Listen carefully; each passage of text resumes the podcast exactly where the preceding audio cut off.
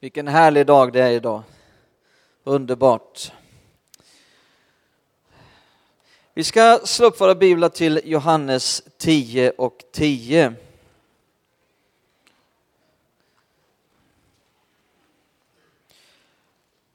Jag har ett spännande tema idag som är Stoppa tjuven. Stoppa tjuven! Vi ska läsa Johannes 10 och vers 10. Och då står det så här, Jesus talar, han säger Tjuven kommer bara för att stjäla, slakta och döda. Jag har kommit för att de ska ha liv, ja liv i överflöd. Jesus talar här om tjuven och vi ska tala idag om att stoppa tjuven. Tror du att tjuven behöver stoppas? Jag tror det. Jag tror att tjuven behöver stoppas. Vi ska verkligen bena isär hela den här versen och ta, ta varenda ord i den här versen. Eh, eller i alla fall i början av versen här. Eh, det första ordet här är tjuven. Jesus säger tjuven. Eh, eh kommer bara för att stjäla, slakta och döda. Eh, eh, ett sätt att se på det här är att, att Jesus han kallar djävulen för en tjuv. Men inte bara det, utan eh, om man tittar på, på det, i den grekiska grundtexten här, eh, ändra inte för mycket nu, nu är det jättebra ljud här framme. Jättebra ljud här framme nu. Eh, så, jag blir orolig så fort jag känner att det börjar gå upp och ner så här. Eh, tjuven, säger Jesus. Och I den grekiska grundtexten här eh, så står det inte vilken tjuv som helst, Jesus kallar inte djävulen för vilken tjuv som helst, utan eh, det grekiska ordet här är kleptes. Och det kom av ordet, det grekiska ordet klepto. Så djävulen är en kleptoman. En djup sanning vi kommer med här idag. Kanske inte du visste. Djävulen är en kleptoman. Eh, du vet, en vanlig tjuv, han eh, stjäl ju normalt för att han behöver det han stjäl. Han ska på något vis använda det han stjäl. Men en kleptoman är ju inte på det sättet. Eh, en kleptoman stjäl inte för att han nödvändigtvis behöver det han stjäl. Utan han drivs av ett tvångsmässigt beteende. Att bara stjäla det han kan komma åt. Det är ju en kleptoman, eller hur? Vet du vad en kleptoman är? Eh, eh, ligger en pryl där så bara måste han ta den utan någon tanke på om han behöver det. Eh, och så är det också med djävulen att, att han stjäl inte för att han nödvändigtvis behöver det han stjäl. Eller för att han ska ha det, att han behöver någonting i ditt liv. Utan han, det är hans natur, djävulens natur är att stjäla. Det är hans väsen. Han kan inte göra någonting annat. Han drivs utav en neurotisk impuls att bara stjäla det han kan lägga vantarna på. Det är djävulen, han är en kleptoman. Ehm, det är hans natur. Han kan helt enkelt inte sluta stjäla. Det är som med djävulen. En del kanske tror att djävulen, ja han är inte så intresserad utav att stjäla din ekonomi, eller din bil. Eh, han kanske bara är intresserad av att stjäla andliga ting, eh, saker av evighetsvärde. Men det är fel. Han är en kleptoman. Han stjäl allt han kan komma åt. Eh, att säga att djävulen inte vill stjäla Eh, rent materiella saker, det är ungefär som att säga att, att Gud, han är inte intresserad av att välsigna dig ekonomiskt eller välsigna dig på det materiella planet. Eh, eh, och det vet vi att Gud är. Eh, så att djävulen, han vill stjäla allt som han kan komma åt i ditt liv. Vare sig det är materiellt eller det är andligt eller det är av evighetsvärde eller temporärt värde, det spelar ingen roll. Han vill bara stjäla. Så det, det är liksom tjuven, Jesus säger tjuven, kleptomanen, kommer. Eh, och titta på det andra ordet nu, tjuven kommer, står det. Tjuven kommer. Eh, det vill säga han står aldrig på tomgång. Han har ett ständigt utav att han kommer. Han är ständigt aktiv. Tjuven, och sen står det tjuven kommer, vad är det tredje ordet? Bara. Tjuven kommer bara för att stjäla, slakta och döda. Det vill säga, han, han har inget annat syfte. Djävulen har inget annat syfte. Eh, han har inget annat i sinnet. Eh, han har bara ett i sinnet som han är helt överlåten, som han aldrig tappar fokus på. Det är det Jesus förklarar i den här versen. Tjuven kommer bara för att stjäla, slakta och döda.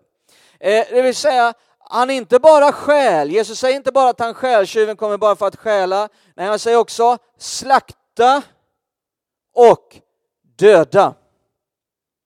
Det vill säga, och, och, om djävulen bara, alltså han vill inte bara stjäla, han vill också slakta. Därför att om han bara stjäl, ja då finns det ju en, en liten chans att offret skulle kunna återhämta sig från det som offret har förlorat. Därför vill han också slakta. Men inte bara slakta, utan det står döda här, men den lite, jag gillar inte riktigt den här översättningen. King James översättning säger destroy. Eh, och, och studerar man det här ordet här och i andra översättningar så förstår man att det handlar om att helt enkelt lägga i ruiner. Djävulen vill lägga i ruiner. Eh, det vill säga, han vill inte bara stjäla, han vill inte bara slakta, utan om han bara slaktar så kan det ju finnas en chans att offret skulle kunna till och med återuppstå. Och därför vill han helt förstöra, helt lägga i ruiner så att det inte finns en chans att den här människan ska någonsin kunna återhämta sig på något sätt. Han vill stjäla, han vill slakta, han vill lägga i ruiner. Eh, och därför så tror jag att vi kan säga att Satan ligger bakom det mesta utav problem, tragedier, katastrofer i mänskligheten, var antingen direkt eller på ett indirekt sätt. Det är vad Bibeln undervisar. Eh, låt oss titta mer här nu på, på vad djävulen stjäl. Djävulen är en kleptoman. Vad, vad är det mer exakt som han vill stjäla? Eh, han vill stjäla din hälsa. Han vill stjäla din ekonomi. Han vill stjäla drömmar. Kanske att det sitter människor här idag som känner att mina drömmar, de har tagits ifrån mig. Du har blivit bestulen på dina drömmar. Han vill stjäla din familj. Han vill stjäla ditt äktenskap. Han vill stjäla gudomliga tillfällen. Han vill stjäla din kallelse. Kanske att det sitter någon här i, idag där du känner att kallelsen den har blivit dödad. Den har blivit begraven. Men Gud vill att den ska återuppstå. Halleluja. Han vill stjäla gåvor som du har så att de blir obrukbara. Han vill stjäla elden i den helige ande. Han vill stjäla din glädje.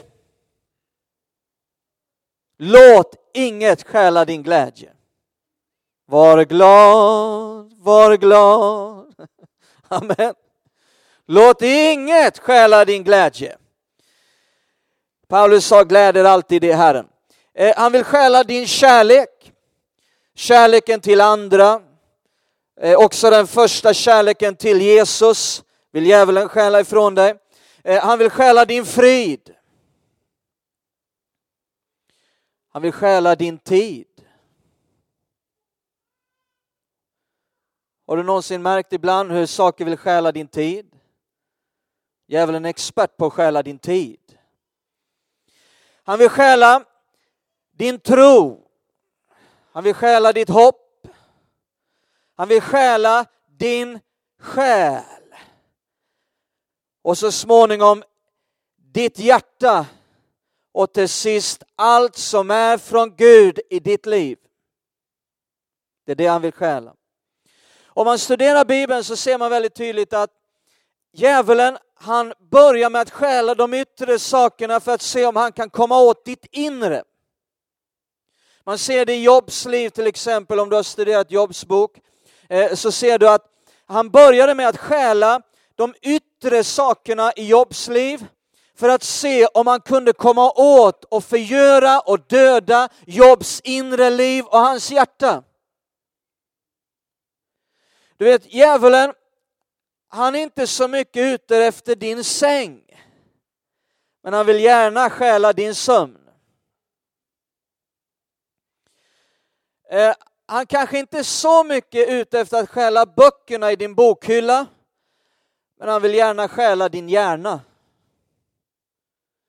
Han kanske inte är ute efter maten i ditt kylskåp. Men han vill gärna stjäla din aptit. Han kanske inte är ute efter medicinen i medicinskåpet, men han vill gärna stjäla din hälsa. Eh, han eh, kanske inte är så intresserad av att stjäla dina bröllopsringar, men han vill gärna stjäla ditt äktenskap. Han vill komma åt dina yttre saker för att se om han också kan komma åt ditt inre. När vi nu talar om vad djävulen vill stjäla, att han är en kleptoman, titta här i Markus 4 så får du se. Markus 4.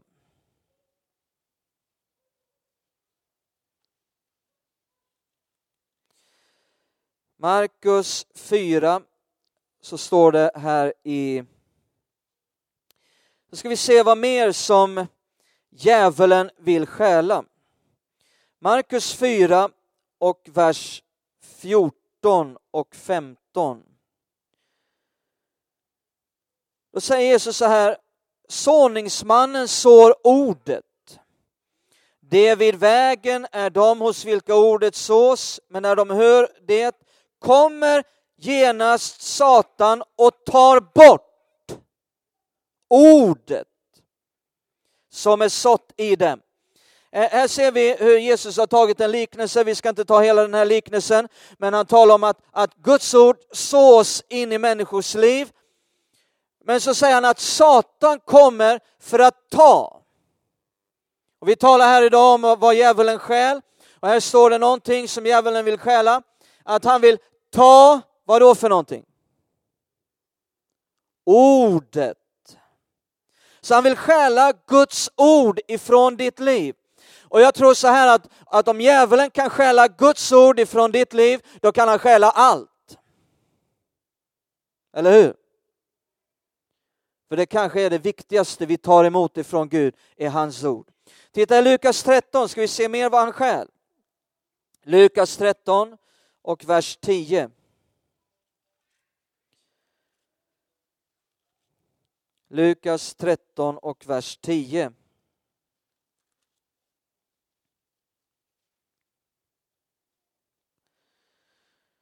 Här ser vi mer vad han vill stjäla. Lukas 13 och vers 10 så står det en sabbat undervisade Jesus i en av synagogorna. Jag glömmer aldrig när vi hade familjeandakt för några år sedan. Och så läste vi ett kapitel i evangelierna och, och så stod det när det blev sabbat gjorde Jesus det och det. Eh, och, och, och så, så, när vi har läst kapitlet så brukar jag alltid ställa någon fråga om det är någonting jag misstänker att barnen inte riktigt hängde med på. Och Dennis som nu är 15 år, han kanske bara var, vad var han då, 7-8 år. Eh, eh, och så, så frågar jag så här, ja vad betyder det när det står att det blev sabbat? Och Dennis han räckte upp handen. Vi har så många barn va, så att de måste räcka upp handen. Så, Eh, så Dennis räckte upp handen och han ville gärna svara. Så sa ja Dennis, vad, vad, vad betyder det när det står att det blev sabbat? Det blev förstört, sa han.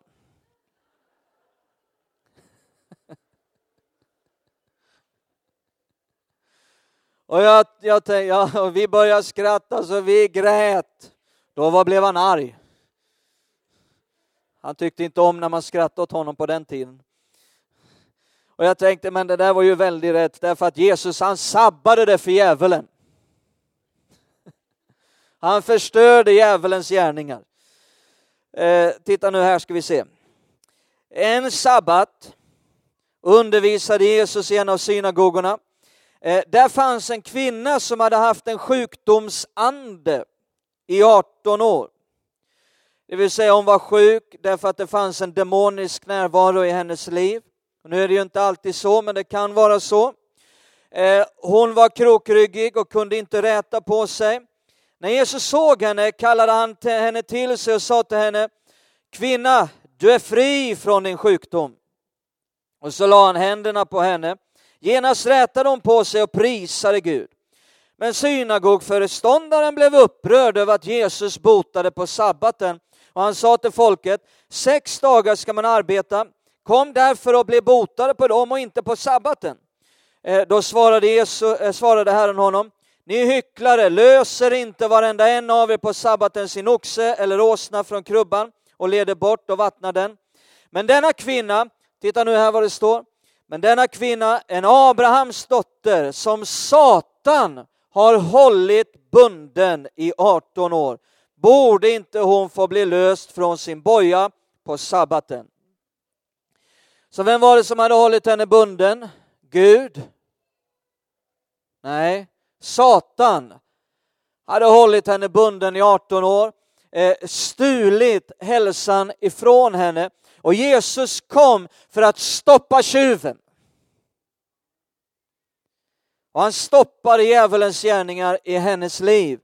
Eh, och det var ju därför som Jesus kom.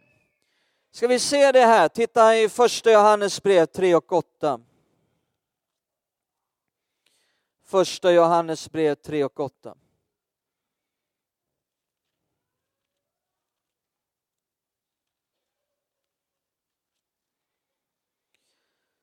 Första Johannes brev 3 och 8.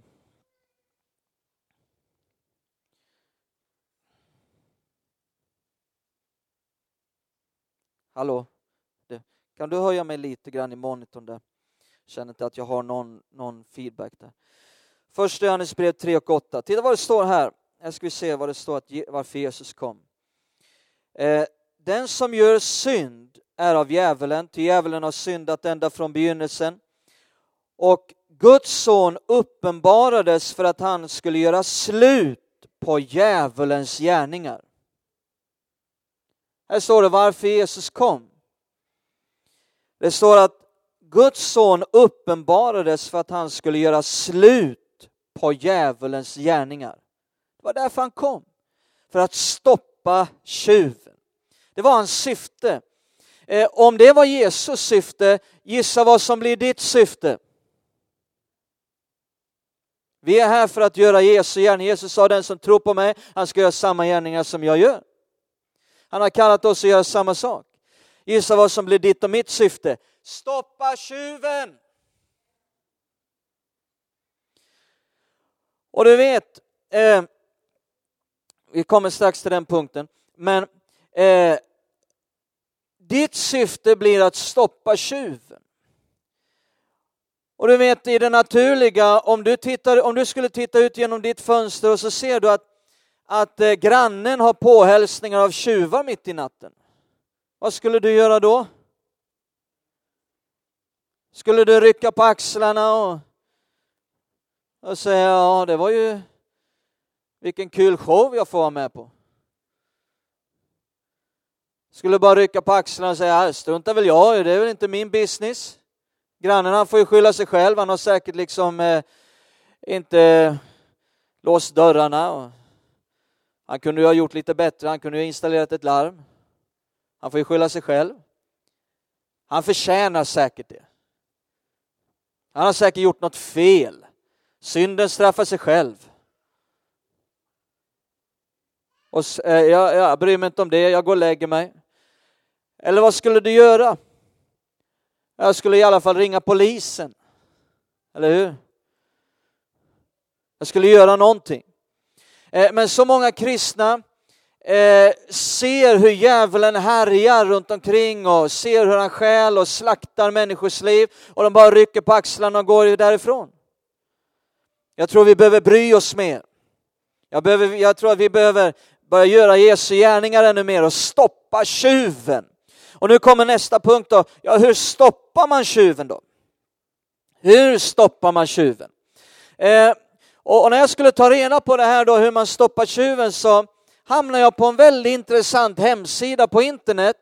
Det var alltombostad.se.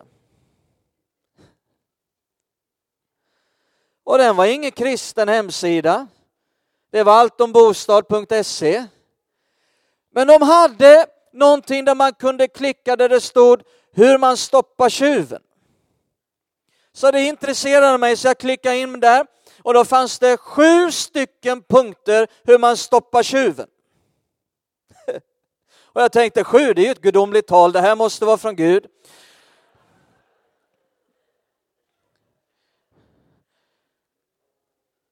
Och sen när jag läste det, då tänkte jag, men det här är ju väldigt bibliska punkter. Det här är, det här är, det här är som hämtat från Bibeln.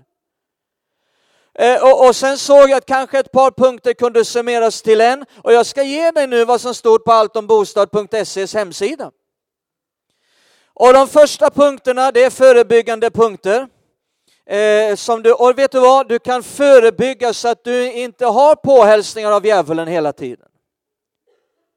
Det är väldigt bra, du behöver inte vänta att han har stulit allting ifrån ditt liv, utan du kan förbereda. Eh, och Bibeln talar om det här. Men vi ska se det här, Allt om Bostad.se de sa första punkten, avslöja tjuven. Och vad är det jag gör idag? En del kanske tänker, men vad ska han predika om djävulen för? Kan vi inte predika om Jesus? Vet du vad? Bibeln talar väldigt mycket om djävulen. Det finns ingen, ingen förutom då, treenigheten finns det ingen person som Bibeln talar så mycket om som djävulen. Vet du varför? Därför att Gud vill av, avslöja djävulen. Så att du ska veta hur han går tillväga, vad hans taktik är, vad han tänker, vad han har i syfte, eh, så att du ska kunna förbereda dig. Hallå? Eh, eh, så avslöja tjuven. Eh, och i det naturliga så är det här ju 1500 watt strålkastarna som går på eh, när tjuven dyker upp. Det är alarm som eh, börjar tjuta som säger tjuven är här. Eller som talar om för tjuven, du är avslöjad. Man kanske har andra saker som avslöjar tjuven, en vakthund till exempel som luktar sig fram, som lyssnar sig fram till tjuvens närvaro och som kanske börjar skälla. skälla. Eh, eh, var då inte som en vakthund som tjuven bara kan slänga till ett kötsligt stycke. och säger här, mumsa på det här en stund då. Och du vet djävulen han vill slänga till dig både det ena och det andra och säga mumsa på det här en stund. En massa kötsliga saker som du ska bli upptagen med.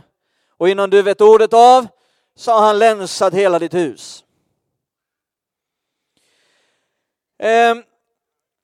sen när vi talar om att avslöja tjuven så behöver vi förstå att han är mycket mer en ficktjuv än en väskryckare. Finns det för skillnad? Va? När väskryckaren stjäl, då vet du om det direkt. Oj, vad är det som händer? Men när ficktjuven är framme så kan du knalla på ganska länge innan du vet att någonting har stulits ifrån dig överhuvudtaget. Det vill säga, han är en ficktjuv, han är ingen väskryckare. Han är en ficktjuv, han är smygande, han är bedräglig. Han och den här världens system, de är experter på att så in tankar i ditt liv. Låt mig ta ett, ett, ett exempel. Tanken kan vara, du behöver den här lyxprylen. Du behöver den här lyxbilen. Du behöver de här lyxkläderna. Hallå? Någon som har hört det någon gång? Du får feber utav det här. Och ganska snart så är du igång och vifta med kreditkortet för mycket för du ska bara ha det här. Och snart har djävulen stulit dina pengar. Och nu för att ha råd med det här så måste du, börjar du tänka, jag måste jobba två jobb. Och snart har han inte bara stulit dina pengar, han har stulit din tid. Och sen när du inte har tid, för nu jobbar du två jobb, så börjar han stjäla ditt äktenskap. Och snart har han stulit allting. Han är en ficktjuv och du kan knalla på ganska länge innan du ens märker att han har stulit, rensat allt vad du hade i fickorna. Människor knallar på i åratal ibland utan att veta att djävulen stal för fem år sedan. Innan de börjar känna, det känns som att jag har blivit bestulen. Ja, det hände för tio år sedan. Han är expert på det.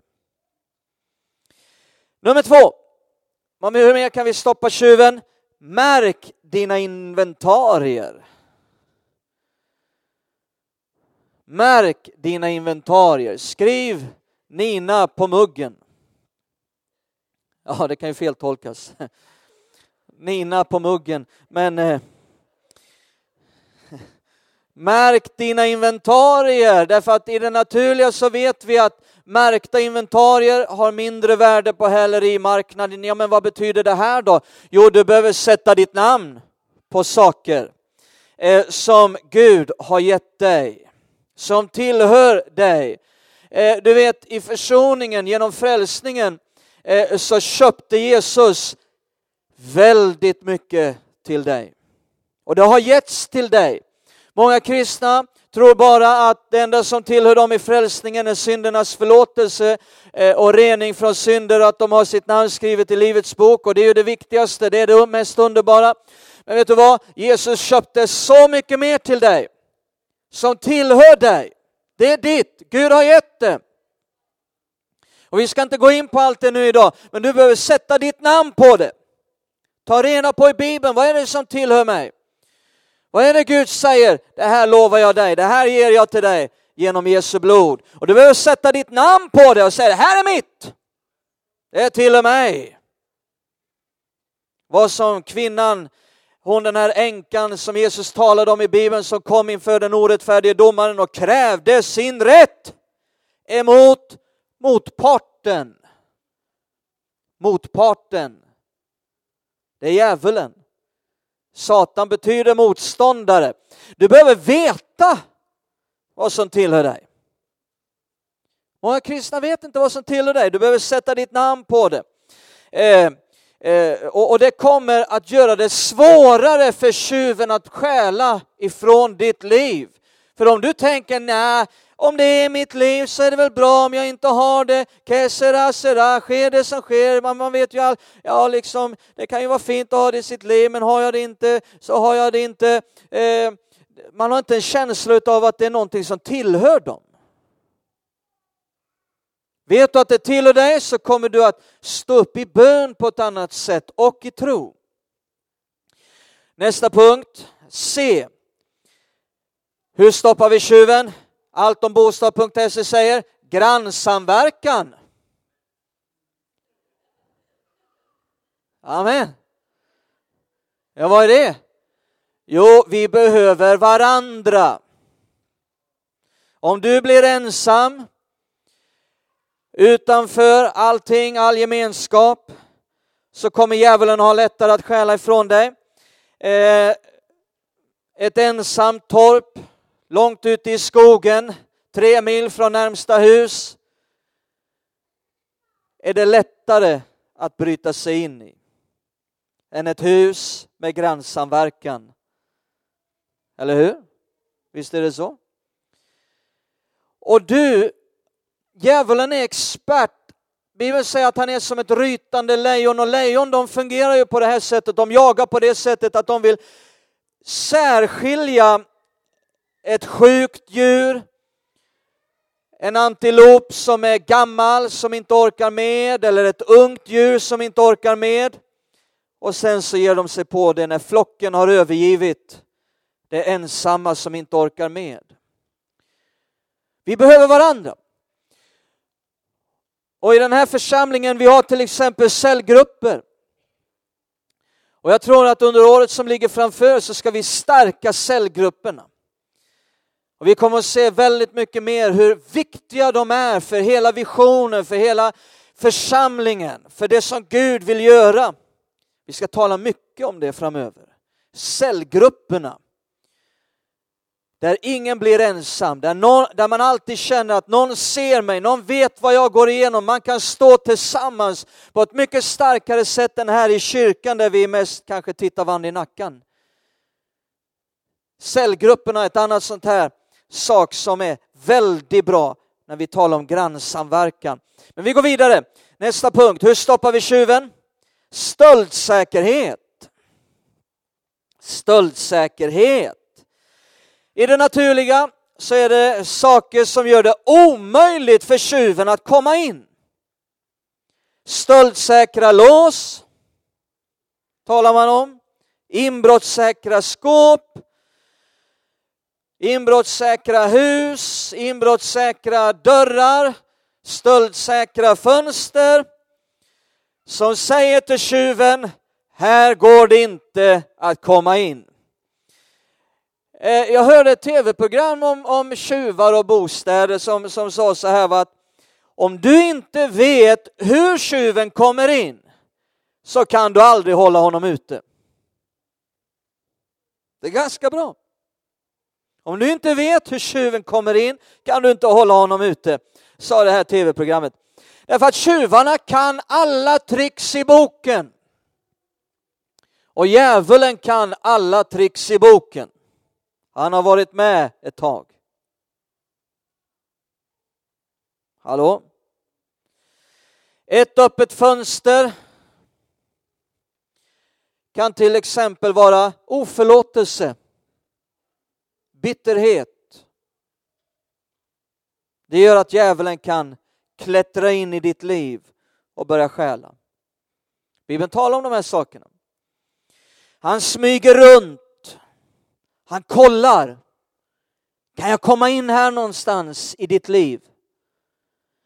Finns det saker i våra liv som gör att djävulen stannar upp, som attraherar honom, som får honom att tänka, här finns en öppning. Paulus sa, ge honom inget tillfälle.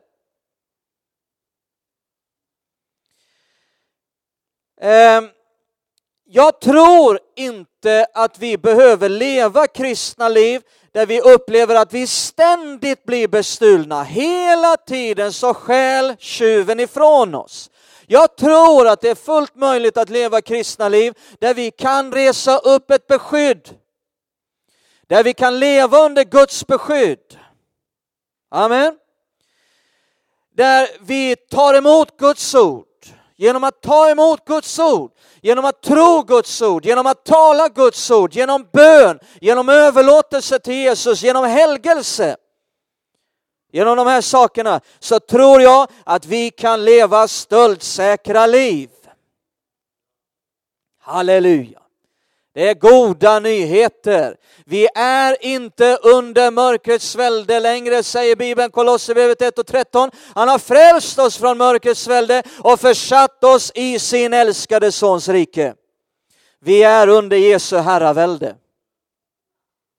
Halleluja. Vi kan leva stöldsäkra liv. Eh, därför att det är så här att i det naturliga om tjuvar stjäl ifrån din bil 20 gånger om året så är det antagligen ditt fel. Om det hände en gång så kanske det inte är ditt fel, det hände, du kunde inte göra någonting åt det. Men om, om det händer en gång i veckan, då börjar vi misstänka att du låser aldrig din bil, eh, eh du, gör, du gör ingenting, du lämnar din mobil framme där och du, du liksom lämnar handväskan fram i, i, i framsätet och låser inte. Och liksom, då vi, om, du, om du har blivit bestulen i din bil 20 gånger om året, då är det antagligen ditt fel.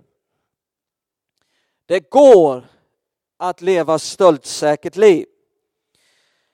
Ehm, allt det här kallar nu allt om bostad för förebyggande åtgärder. Men det är ju så här att du kanske trots alla förebyggande åtgärder så möter du tjuven i hallen. Han står där med säcken, han är på väg därifrån. Ja, vad ska du göra då? Då kommer nästa punkt. Och den har jag lagt till själv. Jag tror inte den stod i alltombostad.se. Jag har lagt till den här. Ta till vapen. Ja, det går, nu är det det här som gäller.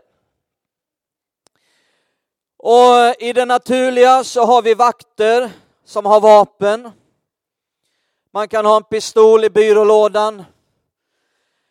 Du behöver kanske ibland handgripligen jaga iväg tjuven med ett vapen. Man kan ha pepparspray i handväskan. Vad mer kan vara ett vapen? Självförsvarsteknik, man lär sig att försvara sig själv och så vidare. Man får ge djävulen en snyting eller liksom ge den här tjuven en välriktad spark. Man lär sig teknik i det naturliga. Vi bara talar bara om det naturliga nu. Men vad säger då Bibeln? Jo, Efesierbrevet 6 säger att när djävulen kommer, står det i Efesierbrevet 6, på den onda dagen, så kan du stå där med massa olika vapen och så säger Bibeln det finns ett vapen som är offensivt. Andens svärd. Och vad är det? Guds ord. Det är vapnet. Guds ord är vapnet. Med andra ord, tala Guds ord i nyllet på djävulen så ska du få se vad som händer. Amen. Vad sa Jesus när djävulen kom till Jesus? Och attackerade Jesus och ville äventyra hela frälsningsplanen. Då sa Jesus, det står skrivet. Djävulen gjorde något annat, Jesus sa, det står skrivet. Då sa djävulen, det står skrivet. Då sa Jesus, det står också skrivet. Så du behöver vara väl bekant med din bibel så att du inte bara vet vad som står skrivet, du vet också vad som står skrivet. Halleluja. Guds ord är ett offensivt vapen. Eh, låt oss avsluta i första Samuelsboken 30. Första Samuelsboken 30. Ja men Sven, jag har redan blivit bestulen. Han har redan tagit ifrån mitt liv, är det nu hopplöst? Nej, titta i första Samuelsboken 30 ska vi se.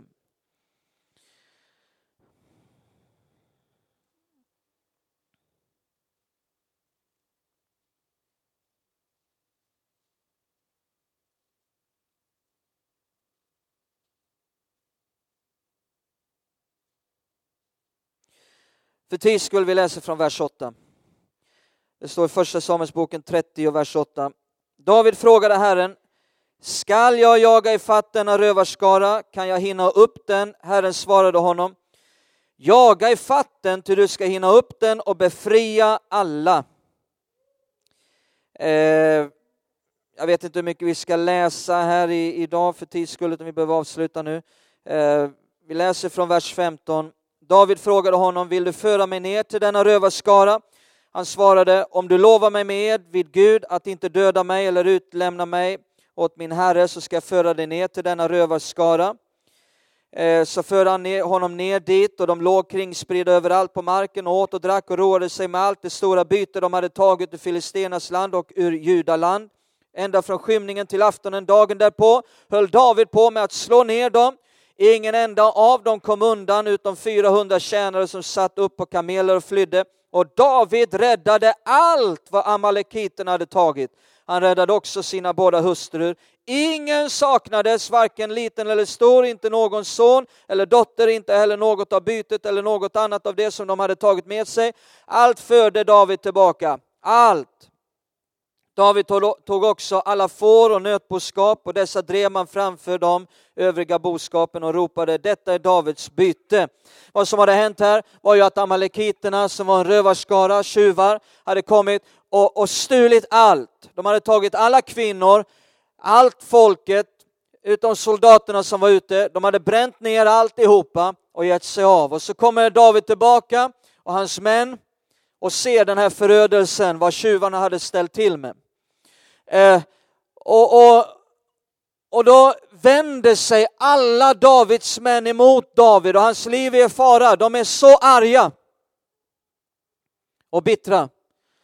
Och David själv hade en extrem sorg och dessutom ingen uppbackning.